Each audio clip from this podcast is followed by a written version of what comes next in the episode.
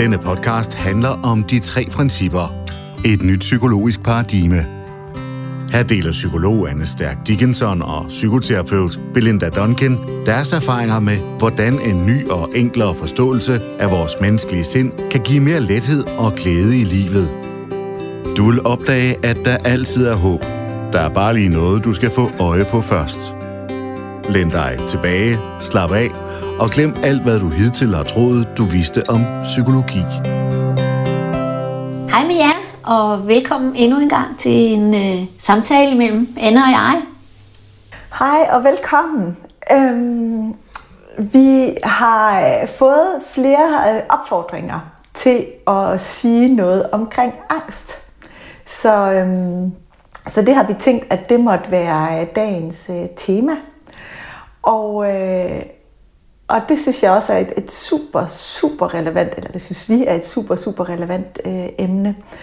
Øh, og i hvert fald så er angst noget af det, hvor jeg kan se, Gud, jeg har ændret min forståelse af det 180 grader i forhold til, hvad jeg plejede at tænke. Og det synes jeg er vildt fascinerende, at det er muligt. Øhm, så øh,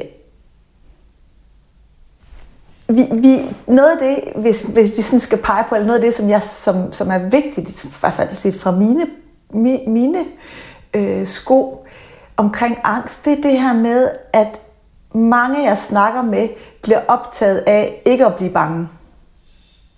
Altså de, de oplever en angst, de bliver bange for et eller andet, og så øh, vil de gerne af med deres angst. Så de vil gerne ikke være bange, de vil, de vil gerne overbevise sig selv om, når man, det er ikke farligt, eller det skal nok gå godt, eller nej, men jeg plejer jo, altså så de prøver ligesom at, at vinde over angsten, altså vinde i godsøjne over angsten, ved at tale rationelt, eller argumentere, eller holde fast i, øhm, i nogle tanker, de plejede at have. Og, nu, og, og det, der sker ved det, jeg ved ikke, om I kender det, men det er, jamen hvis vi er bange, så er vi bange. Og så kan vi godt prøve at tænke os ikke bange, men vi er stadigvæk bange. Så det, der er med angst, det er, at det vi gerne vil pege på, det er ikke, det er ikke at I, nu skal I ikke være bange, det er mere, hvad, hvordan kan vi forstå angsten? Fordi når vi forstår den, når vi forstår det dybere, hvordan den bliver lavet og hvordan den bliver skabt, så bliver vi mindre bange for den. Og når vi bliver mindre bange for oplevelsen, så slapper vi mere af, når den kommer, og så har den lettere ved at falde til ro. Øhm, og jeg, jeg fik lyst til at lige at dele et, øh, et eksempel med jer, som jeg tænker giver rigtig god mening for at illustrere, hvad siger angsten noget om. Og forestil jer, at I kommer gående på en øh, mørk sti en aften, og I går, alt er fint, og så lige pludselig så hører I sådan en knasende lyd øh, bag jer, hvor I sådan tænker, hov, ej, åh, og I vender sådan om, hvad, hvad var det? Og, og I kan høre, der er noget, og I bliver bange. I, øh, I kan mærke, at hjertet begynder at slå lidt hurtigere, og I får lyst til at tage telefonen frem. Og jeg tænker, at de fleste af jer kender den oplevelse, for man, man bliver utryg. Øh, og så, så der bliver vi bange. Og så det første, jeg får lyst til at pege på, det er, okay, når I er bange der, siger angsten, følelsen i kroppen, siger den noget som helst om, hvorvidt der er en person bag ved jer eller ej?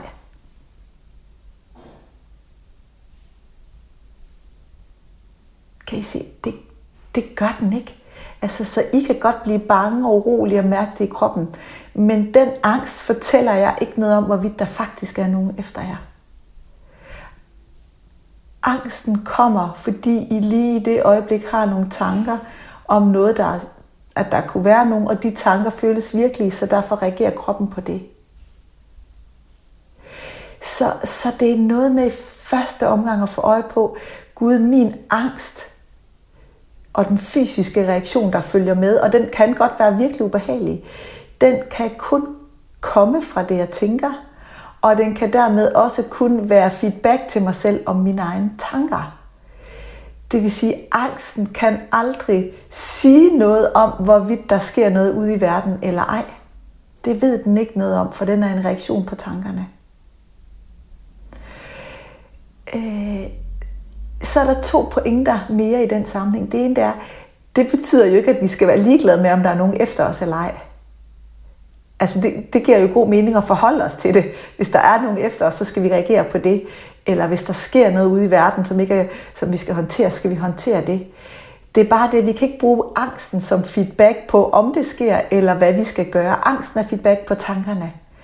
Så vi bliver nødt til at forholde os til, sker det, sker det ikke, øhm, og håndtere det, hvis det gør. Og hvis der ikke er noget derude at håndtere, så skal vi ikke gøre noget.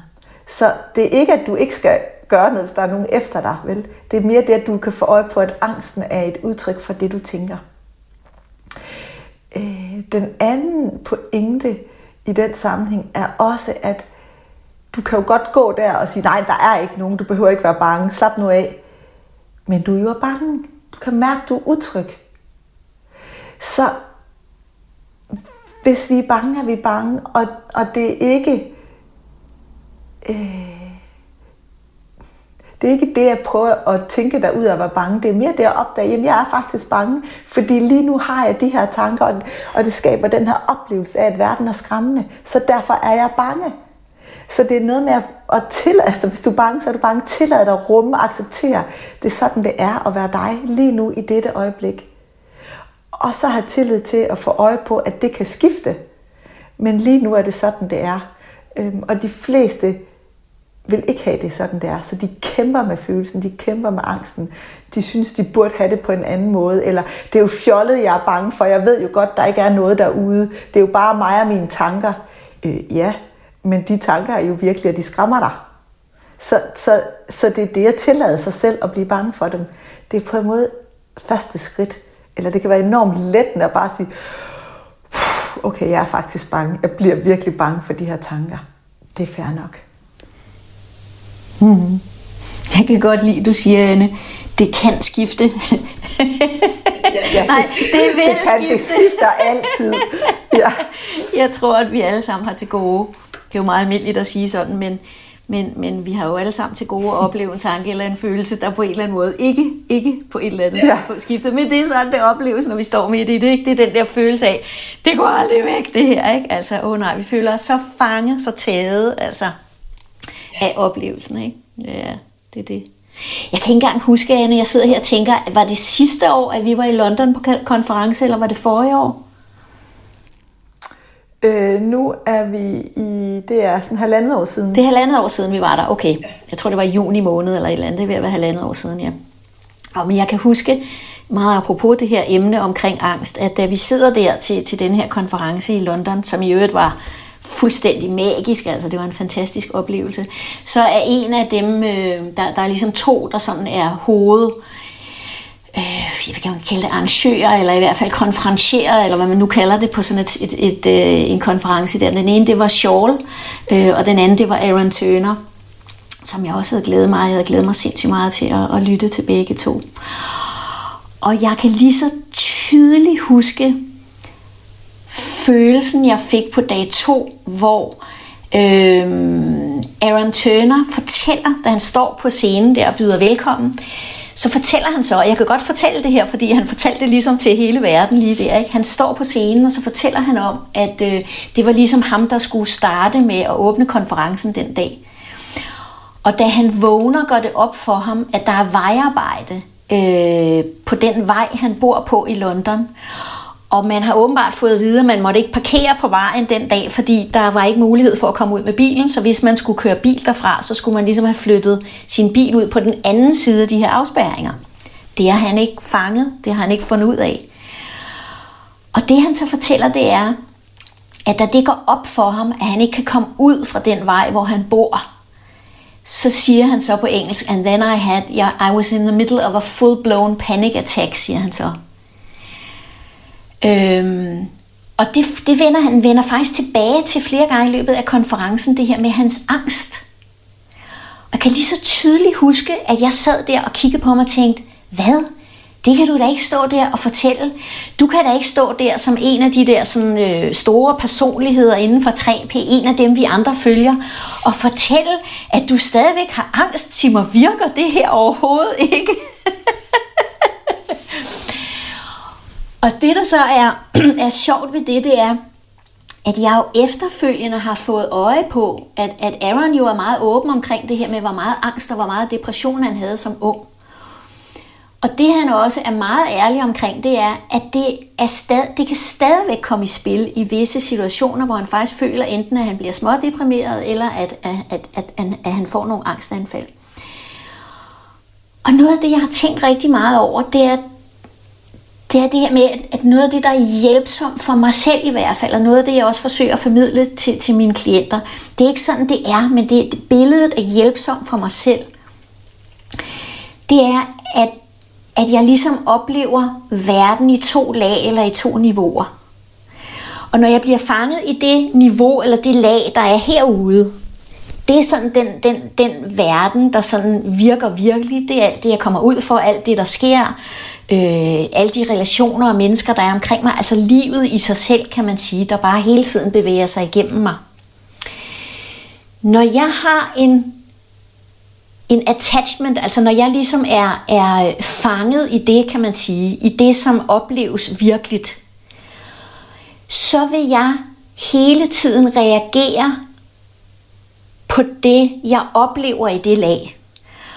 Og jeg vil meget ofte have en holdning til det, om det er rigtigt eller ikke rigtigt, om det ikke skulle have været sådan her, eller om det skulle have været anderledes, om det nu går galt, eller om det ikke går galt osv. Det er jo det, Aaron han oplever lige præcis i den her situation. Det er, han bliver fanget i sin egen virkelighed af, åh oh, nej, det her, det går galt. Jeg skal hen til den her konference. Det er mig, der skal holde åbningstalen det her, det bliver bare helt forfærdeligt, det overlever jeg ikke. Og så er han jo fanget i det her lag, fanget i sin egen virkelighed af tanker og følelser, som igen jo er et feedback-system. Det vil sige, at feedbacken til ham er, når han begynder at mærke alle de her frygtsomme følelser og tanker, det er, Aaron, lige nu skal du simpelthen trække vejret og falde til ro. Det er det feedback-systemet fortæller, forsøger at fortælle ham lige der. Og han siger, at hans, hans kone, Leila, som hun hedder, er eminent til i de her situationer lige at tage fat i ham og prøve at få ham til at trække vejret og lige få ham til at falde ned, for han kan ikke selv i de situationer. Og i det øjeblik, han falder til ro og slapper af i situationen, fordi han kan jo ikke tænke klart, han, han kan ikke tænke nogle løsninger til, hvad skal jeg gøre for at komme ud af den her situation. Når hun så hjælper ham lige der, kan man sige, fordi han ikke selv er i stand til det lige det øjeblik, så pludselig så kan han mærke, så breder roen sig. Og så kan han faktisk se klart, hvad det er, han skal gøre, fordi han har klare tanker. Øh, jeg tror, i det der tilfælde var det, at de ringede efter en taxa eller et eller andet, der så kunne holde ude på den anden side af de her afspærringer, og han nåede det til tiden. Ikke? Men, men det at være fanget i det ydre lag af, åh nej, der sker noget her, der er noget, der er farligt, det her, det går galt, og vi, vi ser jo ikke, som du siger, det her med, at det bare er energi, der er på vej igennem, at det her, det ændrer sig om lidt, så vil tingene se anderledes ud. Men forudsætningen er jo, at det sker alligevel, men man kan sige, at det at kunne falde til ro og trække vejret i det, er utrolig hjælpsomt, fordi vi på en eller anden måde så kommer tilbage til det lag, der ligger indenunder, nemlig vores essens, hvor vi opdager, at alt det, jeg er fanget i lige nu, er jo i princippet bare en illusion. Det er energi, der er på vej igennem mig. Det er livet, der bevæger sig, og det gør jeg ikke sådan, som jeg vil, det gør jeg, som livet vil. Men det skal nok gå, ikke? Og i det, da jeg fik øje på det, kunne jeg også se, Gud, jamen, det Aaron giver udtryk for, det er jo bare, at han er fuldstændig almindelig og fuldstændig ligesom alle os andre. Det, at vi forstår 3P, er jo ikke det samme som, at vi aldrig nogensinde vil mærke angst. Men det er en, en forståelse af, hvad det er. Øh, at det er en naturlig del af livet. Det er evolutionært. Vi havde ikke overlevet som art, hvis ikke vi havde de her følelser og tanker, der kunne få os til at reagere også, når der vidderlig var noget bag ved os på stien, som vi skulle passe på. Ikke? Øhm, ja, det tror jeg egentlig var det, jeg ville sige med det. tak fordi du lytter med. Hvis du har lyst til at se mere i retningen af de tre principper med stærkere Duncan, så kan du finde Anne og Belinda på onlineportalen www.3puniverset.dk. Her har du mulighed for at dykke endnu længere ind i forståelsen af de tre principper. Ja, og, og jeg tænker, når vi snakker angst her, så, så er det på en måde, synes jeg, vigtigt at skelne mellem øh, de situationer, hvor vi reelt er i fare, altså hvor der er livsfare, hvor, vi, hvor, hvor der sker noget ude i verden, hvor, vi, hvor man kan sige, angst, frygt, den giver mening i forhold til at overleve, hvis der sker et eller andet øh, her nu, så vil det jo altså, der er vi jo heller ikke, der vil vi bare, der vil det give mening at føle det, vi føler, og så gør vi det, der skal gøres. Så det, vi, vi er optaget af her, det er alle de gange, hvor vi kommer til at tænke noget frem, og blive virkelig bange for det. Men det der med, at, at vores intellekt eller vores ego vil jo have en tendens til at lave historier og tanker, som er sort-hvide. Det vil sige, at vi skaber en historie om, hvis ikke jeg kommer frem til konferencen, der, så dør jeg. Eller, altså, eller hvis, hvis jeg går i stå til et oplæg eller et podcast, oh nej, så, så går det galt. Altså, vores, vores intellekt vil, kender jo ikke det er ikke sådan, at det har et, det er ikke så alvorligt, eller det er meget alvorligt. Altså tankerne vil, vil aktivere den der frygtreaktion, som det, så det kan føles som om det er liv eller død, der er på spil. Fordi, fordi det, det, det, det system, det sætter gang i. Og det, det synes jeg bare er, er, er interessant, når jeg snakker med folk, og, og de beskriver, hvor, de, hvor bange de kan blive. Jeg kan, jeg kan jo godt forstå at jeg kender det jo også. Det, så det er, ikke, det, er ikke, det er ikke måske til alle jer derude, fordi det, det må det gerne, det, det gør det jo. Men det er bare interessant, hvordan vores tanker kan lave en historie om, at hvis vi missede toget, eller hvis øh, der er nogen, der ikke vil komme til festen, eller hvis øh, vi ikke fik jobbet, så er det livstruende. Altså det, så, så intens kan følelserne føles. Og, og, og når man lige kan, kan se bag om det, så kan man sige, ja, ja, men det skal jo nok gå. Ikke? Det er bare ikke sådan, det føles, når vi er fanget i det yderste lag, som Belinda siger, fordi ude i det yderste lag vil det typisk kunne føles sort-hvid, liv eller død. Så der føles det som afgørende, at der sker noget bestemt, fordi ellers. Ikke? Og vi har lige haft en episode her i weekenden, hvor jeg var fanget i noget bekymring. og uh, og jeg prøvede at styre det og sådan noget, og så var min mand, ah, det var så fedt, så sagde han på tidspunkt, men Anne, øhm, det går jo godt uanset hvad. og jeg lige skulle se, nå ja, ej, ja, det er fordi, jeg lige er fanget ind af historien om, at det skal gå på en bestemt måde, og hvis ikke det går på den bestemte måde, så går det galt. Og det var enormt øh, skræmmende at være i, fordi så skulle jeg styre noget, jeg ikke kunne styre, og det var, det, det var angstfyldt. Ikke?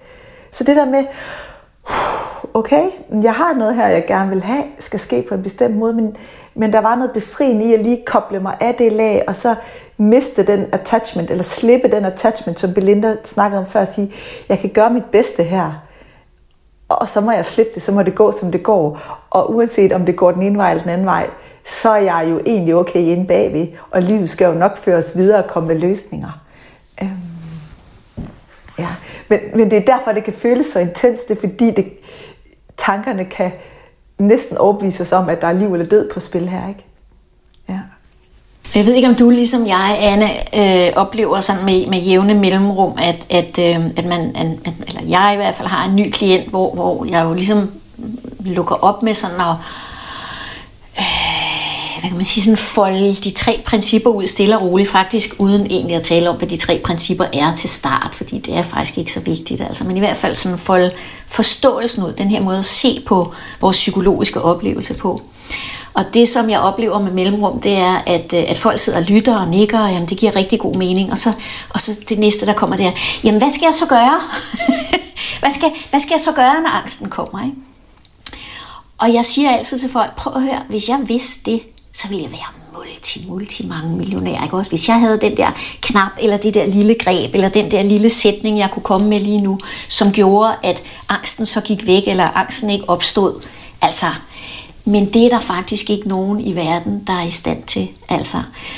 Og det her med at opdage, at efterhånden som forståelsen lander i det her, nemlig hvad angst i virkeligheden er, det er et, en feedback fra vores system på, at vi lige nu er fanget i noget, der er hjælpsomt, det, eller ikke er hjælpsomt. Det er ikke sikkert, at vi kan gøre noget ved det, men vi ved mere og mere efterhånden, som forståelsen falder på plads, at ja, det er mega ubehageligt, og ja, jeg kunne godt tænke mig at have det anderledes lige nu, men det er mit system faktisk, der, der laver lidt alarm, og om lidt, eller om nogle timer, eller i morgen, eller hvad ved jeg, så, så er det anderledes. Derfor bliver vi ikke så fanget i oplevelsen. Og alene det, at vi ikke bliver så fanget i det ydre lag af oplevelsen, og forsøger at få den til at, at, at gå væk eller stoppe, så er der noget, der stille og roligt falder til ro i os, som også påvirker hele vores hvad kan man sige, neurologiske system i hjernen på en måde, der gør, at vi generelt set falder mere og mere og mere til ro. Det vil sige, det som langt de fleste oplever, det er, at angstanfaldene begynder, enten forsvinder helt, det har jeg faktisk oplevet masser af gange med mine klienter, eller stille og roligt begynder at klinge af efterhånden, som der er noget, der går op for os. Men det er ikke sikkert, at det nogensinde forsvinder 100%. Og det, det, som jeg prøver at sige til folk, det vil heller ikke gøre så meget for dig, fordi du ved, hvad det er. Det skræmmer dig ikke på samme måde. Det vil sige, du bliver ikke så engageret i det. Og derfor vil det også hurtigt at drive over, og det vil komme sjældnere og sjældnere. Så det her er ikke en mirakelkur mod angst, altså der kan få angst til at gå væk. Angst er en overlevelsesmekanisme. Der er ikke noget galt med det. Det er at sørge for vores overlevelse, sådan helt evolutionært. Ikke? Men det er meget, jeg kommer lige til at tænke på, Anne, hvis jeg lige må snakke lidt videre. at. Jeg må lige sige en ting, Belinda, inden det er, at angsten er jo væk, men den kan komme igen. Ikke?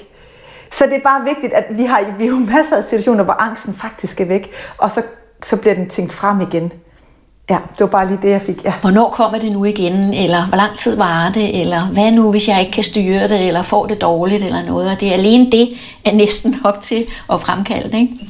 Jeg hørte øhm, øh, her på, på, i morges, hvor jeg på vej hjem fra, fra sommerhuset, inden vi skulle snakke sammen, og så hørte jeg den her podcast, der hedder Hjerteflimmer for voksne, øh, som jeg lytter til med jævne mellemrum. Og, og dagens afsnit øh, var med blandt andet med en, en ung fyr, en musiker, som hedder Uro. Jeg, jeg har aldrig hørt om ham, men åbenbart så er han meget populær.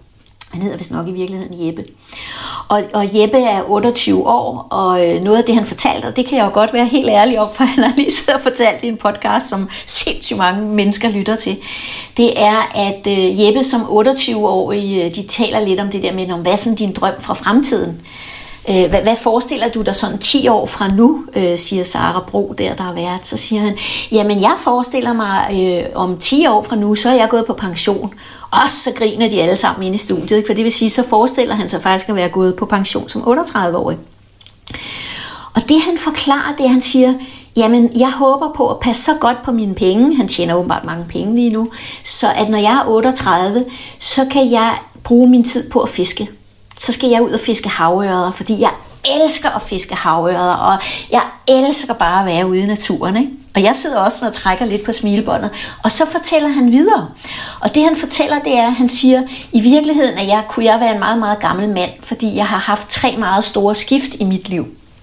Øh, det første, det er, at han er vokset op øh, inden, for, inden for kirken, øh, i en meget kristen familie. Hans familie bryder sig med kristendommen senere, så alt gik op i kirke og fodbold, da han var barn. Det var sådan den ene setting. Den næste setting, han er i, det er, at han bliver uddannet pædagog og arbejder med unge adfærdsvanskelige øh, øh, mennesker. Og som han siger, jeg var sindssygt glad for det, og det var enormt meningsfuldt, men der var hele tiden det der forventningspres på mig, altså, så det, det, det var bare virkelig hårdt til sidst, ikke? Det sidste han så øh, er, det er, at de sidste fem år har han så faktisk levet af at være musiker, blandt andet sammen med sin bror. Og så siger han, det er jo super fedt, fordi jeg har både ADHD og PTSD, og jeg lider af depressioner og angst osv., og, så videre, og mange af mine sange handler om det, og, og hjælper også andre mennesker. Folk skriver til mig og fortæller, hvor hjælpsomme mine sange er. Men det er jo også et enormt pres, siger han så ikke, fordi alle har jo en, en, en, en, en holdning til, hvem jeg skal være, hvad, hvad jeg skal gøre, hvor jeg skal holde kon, koncerter. Jeg har en masse mennesker, jeg er forpligtet over for osv., så, så, så det der pres, det er næsten ikke til at være i. Så om 10 år, når jeg har tjent penge nok, så skal jeg bare stå der med min fiskestang, fordi den eneste forventning, der så er, det er til mig selv i forhold til, om jeg nu kan fange en havørred på 5 kilo. Og hvis jeg ikke gør, siger han så, så tænker jeg bare ved mig selv, Nå, men så er den der nok næste gang, jeg går ud og fisker. Ikke? Og det, det startede i mig, det var, jeg, jeg kom faktisk til at tænke, og det er ikke nedladende eller noget, jeg kom, jeg kom til at tænke, lille skat, der er noget, du slet ikke har fået øje på. Fordi for mig blev det bare så tydeligt, at det her unge menneske, som var så plaget af alle de her ting,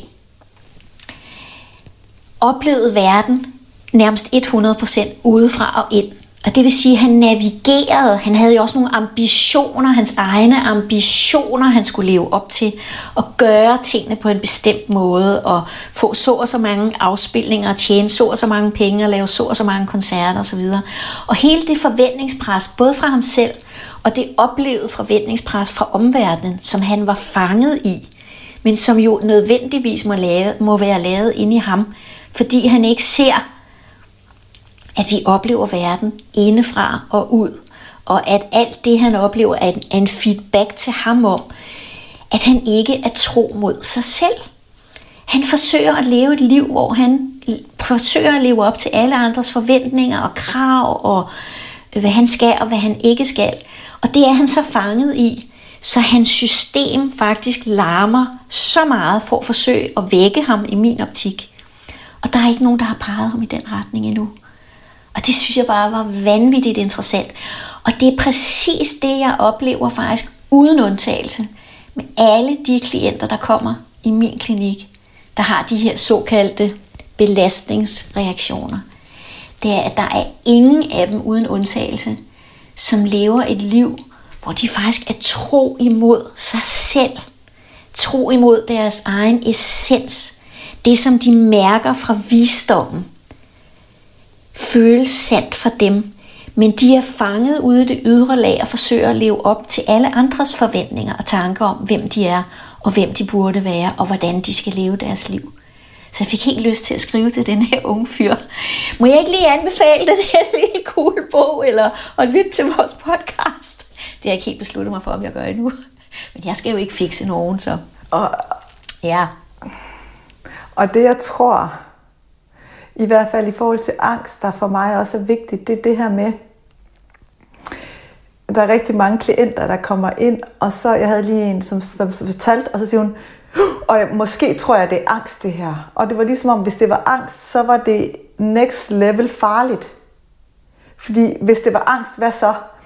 Og, og det jeg bare kan se, som jeg ikke kunne se før jeg, jeg fik den forståelse, det er, at, at for mig nu er angst ikke noget, der er galt. Angst er ikke en sygdom, angst er ikke en lidelse. Der kan godt ske det, at man oplever mere angst, end man ønsker i sit liv. Og at det derfor begrænser en, eller har store konsekvenser i det liv, man kan leve, fordi man bliver så uendelig bange. Så på den måde har angst jo betydning for vores måde, og hvad vi, hvordan vi tør være i verden på. Altså 100 procent. Men, men for mig er angst ikke et tegn på, at der er noget galt med nogen. Fordi angsten er jo bare et, er jo bare et signal om, at det hele virker. Så angsten er et, er et, når folk fortæller, at de er angst, så det jeg hører, det er, at når de fungerer, som de skal. Og at når de forstår, hvordan angsten er, er en reaktion på, at de har mange tanker, som skræmmer dem, og som de tror på, og de opdager, at de, at de tanker som der dukker op, ikke er så vigtige, at de kan godt begynde at se igennem nogle af dem og opdage, at de tanker ikke er så farlige, så vil angsten jo fade ud helt naturligt. Så, og, og, så det, at de er angste, så længe de går og tænker skræmmende virkeligheder frem, giver det jo også mening at være angst. Altså, jeg, det, det vil jo være skørt at have, leve i en virkelig skræmmende verden, øh, og ikke være bange for mig, det, det giver mening, hvis vi har lever i en oplevet, tankeskabt virkelighed, som er super skræmmende, at vi er bange. Så derfor så er det bare vigtigt at pege på det her med, angsten er ikke et udtryk for, at der er noget galt med dig. Angsten er ikke et udtryk for, at der er noget forkert. Angsten er ikke et udtryk for, at du skal fikses. Ja, angsten kan godt lige nu være så styrende i dit liv, at du bliver begrænset, og du ikke kan det, du gerne vil. Og, og det er selvfølgelig ikke ønskværdigt, men, men angsten kommer, fordi du, får, du, du lever i en virkelighed, en tankeskabt virkelighed, som er skræmmende. Og det er okay. Og at angsten vil slippe, øh, når, når, når man ikke når man slipper tankerne, men mere når du ser igennem tankerne for øje på, okay, jeg får tænkt noget frem her, som virker virkelig skræmmende, men som ikke er virkelighed lige nu. Det, det er lige noget, jeg fik skabt indefra, og det er faktisk ikke det, der sker ude i verden. Det, det er noget, der der er skabt inde i mig, når vi kan begynde at se igennem det, så vil angsten slippe. Og det kan være virkelig, virkelig svært at se igennem det, fordi du kan jo mærke den oplevede virkelighed. Den føles jo virkelig for dig, for du vil mærke angstreaktionen. Og så er vi tilbage ved det der med at få øje på, at det, at du mærker angst, fortæller dig ikke, hvis nu du tænker, åh oh, nej, jeg har svigtet, og det kommer aldrig til at gå godt, og, og man kan føle som om, at hele ens, identitet er på spil, for eksempel. Så er det feedback til dig om, at du har fået skabt en tankevirkelighed, som hvor, hvor du er på spil i dine tanker. Men det siger ikke noget om, hvorvidt andre derude synes det eller ikke synes det, eller om alt er okay eller ikke okay. Det siger noget om, hvad du, hvad du oplever indefra ud. Øhm, så, så, så det tror jeg bare er en vigtig pointe, at angst er, øhm, angst er et udtryk for, at du fungerer. Og heldigvis kan man sige, selvom folk har haft angst i lang tid, det er jo ikke, fordi jeg ønsker det for nogen. Men det er jo godt, at systemet bliver ved med at virke. Ikke? Så ligesom hvis vi går med en sten i skoen, så får vi smerte. Jamen smerten er jo en hjælp til os om, at der er en sten i skoen. Ikke? Så, så det, at vi mærker noget, vi mærker det, får feedbacken, er ikke, er ikke et problem. Det, det er sundt. Mm. Og jo også, kunne man sige igen, for at bruge det samme billede, et udtryk for, at vi er fanget i den verden, der foregår herude, det lag, der foregår herude, som kan virke utrolig skræmmende, fordi det er ukontrollerbart, det er uforudsigeligt, det er alt muligt, det der foregår herude. Det er godt, det er skidt, en stor blanding, ikke? Men når vi på et eller andet tidspunkt forstår det her med, at der er noget inde bag ved det, altså i vores essens, i vores kerne, som altid er fuldstændig solidt og stille og fredfyldt og i ro, som oplever det lag. Og at vi faktisk godt kan egentlig være i uro og opleve at være i udu, og samtidig have den der lille bitte inde bagved der, nå, nå ja, nå det er rigtigt ja, lige nu altså er jeg fanget ude i det her lag. Det er ikke sikkert, at vi kan gøre noget ved det, det kan vi tit ikke, det oplever jeg i hvert fald selv, at, at det er ikke sikkert, at jeg nødvendigvis skal få det til at gå væk, eller stoppe, eller noget som helst. Men det er faktisk okay, fordi jeg ved, hvad det er, der er på spil. Og det er altså en helt, helt anden oplevelse at være i verden på den måde. Og så er vi tilbage igen ved det der med, at man går der i mørket og tænker, er der nogen bag ved mig? Ikke? Så kan vi godt blive bange, og vi er bange. Som det er ikke at tale den angst væk, det er bare at opdage, at jeg er bange lige nu. Fordi jeg har de her tanker, jeg er fanget i det yderlag, som Belinda siger. Ja. Ja, skal vi sige, det var det. Håber, at, øh, at I har taget noget med jer øh, i løbet af samtalen, måske fået øje på noget, eller set noget, der var en lille smule anderledes i forhold til jeres måde at tænke om angst på hidtil. Ja, ja. tak fordi I lyttede tak, med. fordi I lyttede med. Ha' det godt. Hej hej. Tak fordi du lyttede med til de tre principper med Stærk og Duncan. Vi håber, du har fået øje på noget nyt, og du føler dig inspireret til at gå på opdagelse i livet med friske øjne et åbent hjerte og et nysgerrigt sind.